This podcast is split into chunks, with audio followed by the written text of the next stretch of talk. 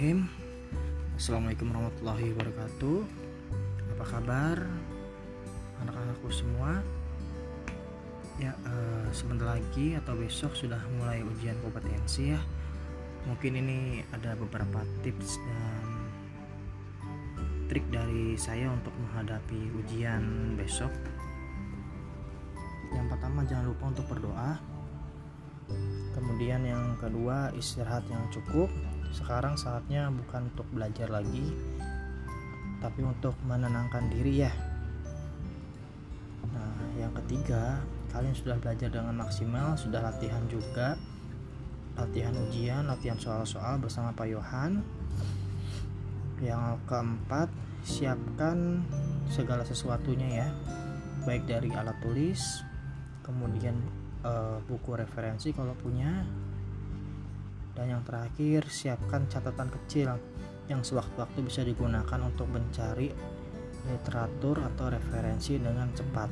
Ya, yang wajib adalah forma, formularium nasional, farmakope edisi 3, kemudian ISO maupun MIMS.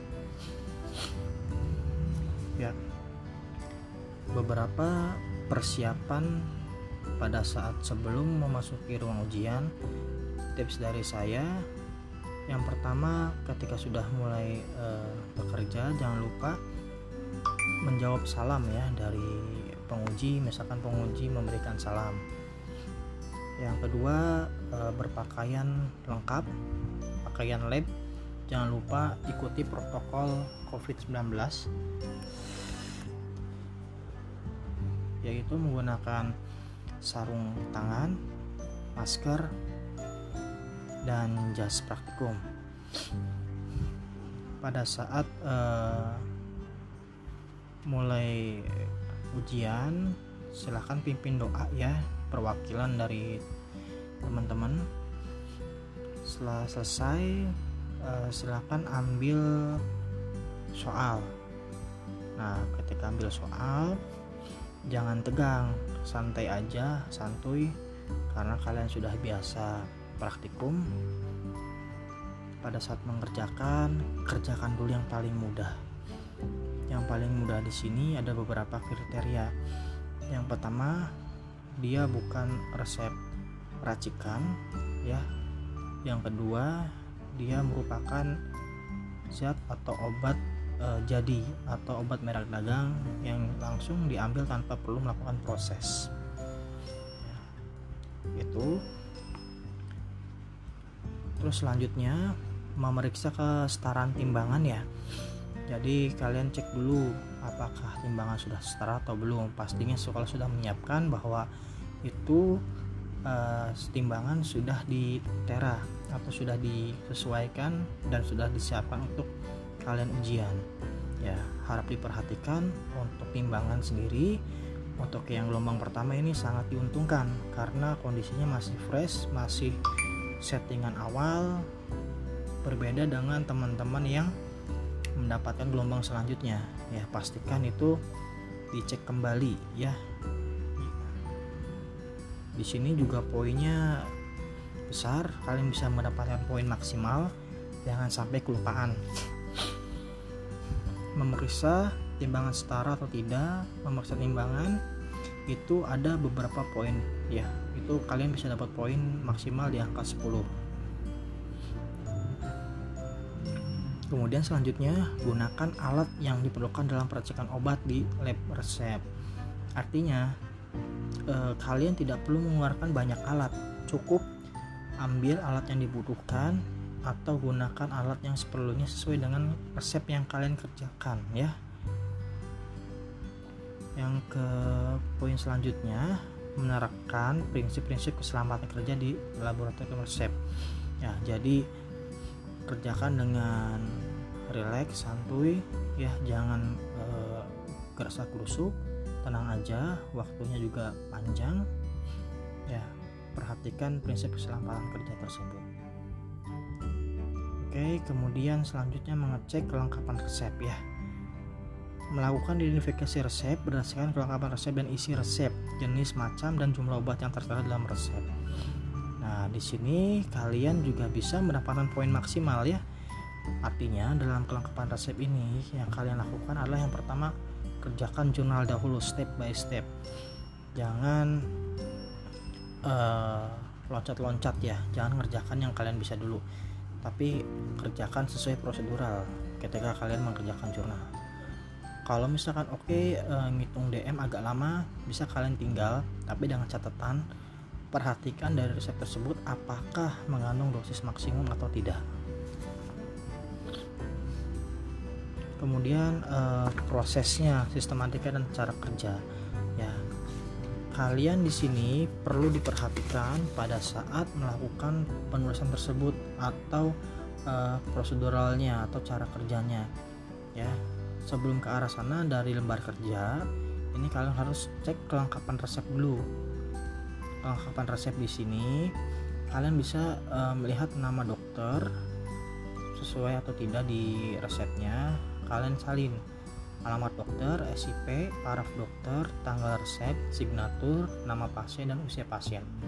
Ya, kalian tulis semuanya agar mendapatkan nilai maksimal. Kemudian untuk komposisi, komposisi kalian juga tulis di sini. Misalkan kayak tablet kodein. Nah, kodein ini ada di mana nih? Di isokah, di farmakopeka atau di FN tulis uh, komposisinya. Jangan lupa kalian ngutipnya referensinya dari mana. Ya dikasih nama bukunya dan halamannya ya. Kemudian prosedur penyi penyiapan obat nih. Ini atau cara kerja ya cara membuat obatnya cara membuat obatnya. Yang pertama pastikan kalian urutannya sesuai dengan cara kerja. Jangan diacak itu akan mengurangi nilai kalian. Yang pertama ambil contoh. Ambil kodein tablet di lemari narkotik sejumlah berapa yang kalian butuhkan. Yang kedua ambil obat apa di mana sejumlah berapa ya.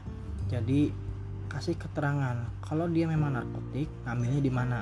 Jangan asal ambil cuma nulis ambil kodein sebanyak sekian ya. Itu akan mengurangi nilai. Harus detail. Sampai kalian e, mencapai membuat etiket atau memberi etiket sesuai dengan yang tertera di resepnya. Ya etiket jangan lupa kasih nama kasih e, tanggal kemudian cara penggunaan ya. Tiga kali satu berapa kali berapa gitu ya. Kemudian label. Nah label di sini tulis sesuai dengan apa yang ada di resep labelnya kalau misalnya dia obat keras pastikan bahwa ini sudah otomatis tidak boleh diulang tanpa resep baru dari dokter ya. Kemudian perhatikan lagi bahwa di resep ini apakah obatnya diambil semuanya atau ada yang tidak diberikan ya. Kesepakatan dari e, penguji dari sekolah itu bahwa tidak ada kontak komunikasi dengan pengawas ujian jadi kondisinya ini tidak akan memberikan PIO atau memberikan informasi kepada pasien atau ke penguji.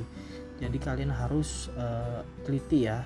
Jangan buru-buru teliti sehingga apa yang diharapkan itu tidak di atau tidak keluarlah kesalahan tersebut. Dicek apakah ada yang di resep atau ada yang diulang uh, ya. Iterasi saya pernah ngajarkan ada iter yang semuanya ada yang iter sebagian ada yang iter hanya satu obat saja. Itu perhatikan ya poin tersebut. Itu yang hanya di copy dan ingat setiap membuat copy resep ada istilah PCC Pro Copy Conform artinya semua ditulis sesuai dengan apa yang ada di resep tersebut. Ya jangan sampai ada yang ketinggalan. Kemudian menghitung kalkulasi biaya obat dan perbekalan kesehatan. Nah di sini kalian juga harus membuat harga obat. Harga obat sudah saya jelaskan juga. Komponennya apa saja ada ya. Nanti tabelnya ada di sekolah e, berapa harganya masing-masing obat. Kalian harus uh, masukin jumlahnya. Mungkin sudah dijelaskan secara rinci oleh Pak Yohan ya. Apakah itu sudah termasuk embalase atau sudah termasuk margin dari apotek. Terus selanjutnya menuliskan kwitansi. Nah kwitansi ini ditulis sesuai dengan apa yang ada di resep.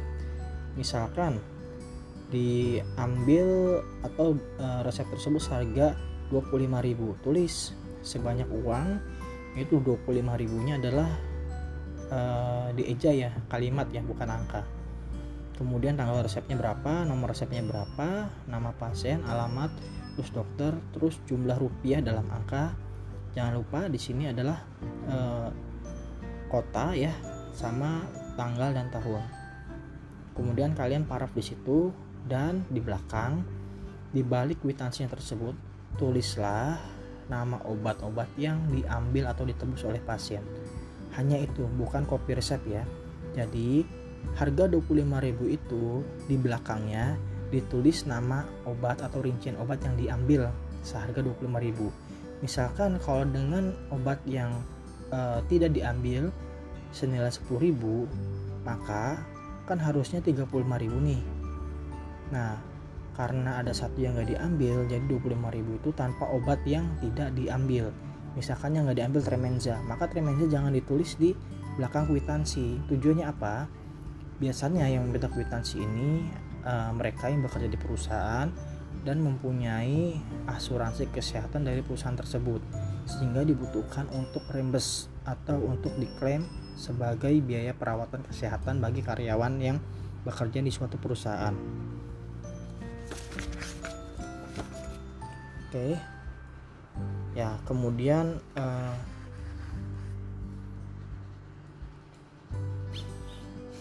selanjutnya adalah surat apa kartu stok ya. Kartu stok itu kalian tulis sesuai dengan apa yang ada di situ. Misalkan uh, kartu stok tanggal 5 nama obatnya adalah dextrometorphan. Stok awalnya 200. Keluar 10 sisa 190 ya kan nah kemudian kalian besok ujian nih tulislah tanggal 6 ambil berapa ya stok awalnya berapa? Kan 190 nih ya kan? Keluar misalkan 10 maka tulis uh, stok akhir berapa? 180 expire date nya jangan lupa ditulis sama paraf kalian pada saat ambil ya.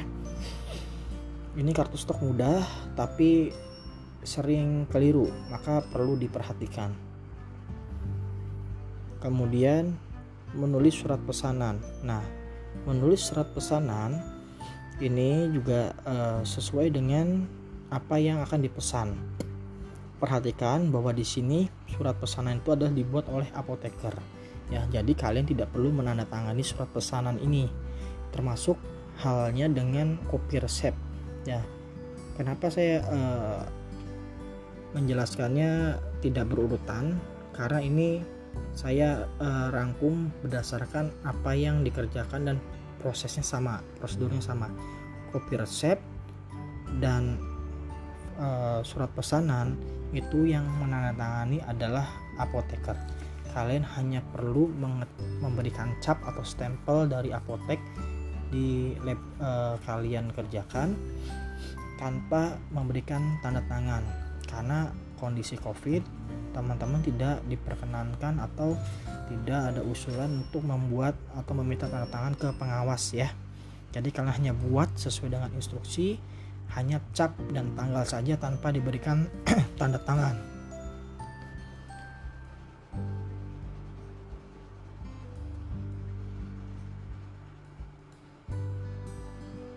Untuk jenis-jenis surat pesanan sudah saya jelaskan beberapa kali ya bahwa ada yang reguler atau obat bebas obat bebas terbatas obat keras itu uh, formatnya sama. Kemudian obat prekursor itu format sendiri. Obat keras tertentu juga format sendiri. Kemudian psikotropik dan narkotik. Ingat uh, narkotik itu rangkap 4 ya atau uh, biasa ada yang rangkap tiga ya itu uh, sesuai dengan formulir berapa tapi kalian tidak perlu memikirkan itu karena uh, di ujian kalian itu tidak sampai sedetail itu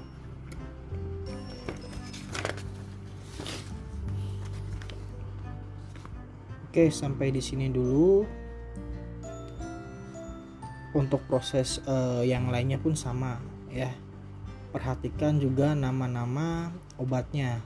Ada beberapa obat yang memang direvisi atau ada obat yang memang resepnya itu tidak sesuai ya. Jadi perhatikan nama obatnya sesuai dengan ISO ataupun uh, buku referensi ya kalau misalkan ada pertanyaan nanti kita dilempar ke grup ya saya uh, post dulu untuk yang sesi ini.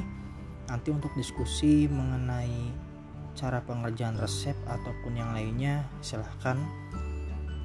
Masih ada waktu sambil nonton TV ataupun sambil makan malam silahkan kalian uh, review beberapa materi ataupun beberapa jurnal yang telah kalian kerjakan dengan catatan ini bukan untuk belajar lagi tapi hanya untuk merefresh ya. Sangat mudah sekali untuk kalian lulus karena poin-poinnya ini batas minimum batas minimumnya aja tidak ada yang kecil. Semuanya itu batas standar minimum kelulusan untuk ujian kompetensi. Yang penting kalian perhatikan poin-poin besar yang sudah saya jelaskan tadi. Jangan sampai kehilangan poin-poin yang mungkin anggap kita sepele tapi ternyata itu juga sangat memberikan dampak yang lumayan untuk memberikan uh, komposisi penilaian terhadap apa yang kalian kerjakan. Jangan lupa hitung dosis maksimum ya. Jangan lupa membuat uh, resep standar dari mana referensinya. Untuk pembuatan-pembuatan kayak misalkan salep ataupun yang lainnya itu juga sudah dijelaskan di sekolah ini adalah masa-masa kalian terakhir untuk uh, membuktikan diri bahwa kalian siap untuk menghadapi dunia kerja maupun ke jenjang pendidikan selanjutnya ya. Ya saya ingatkan lagi kalian kerjakan dengan santai jangan terburu-buru relax tenang pikirannya. Jangan lupa berdoa selalu ya sebelum berangkat minta doa restu orang tua agar diberikan kemudahan. Ya sekian dari saya ya. Assalamualaikum warahmatullahi wabarakatuh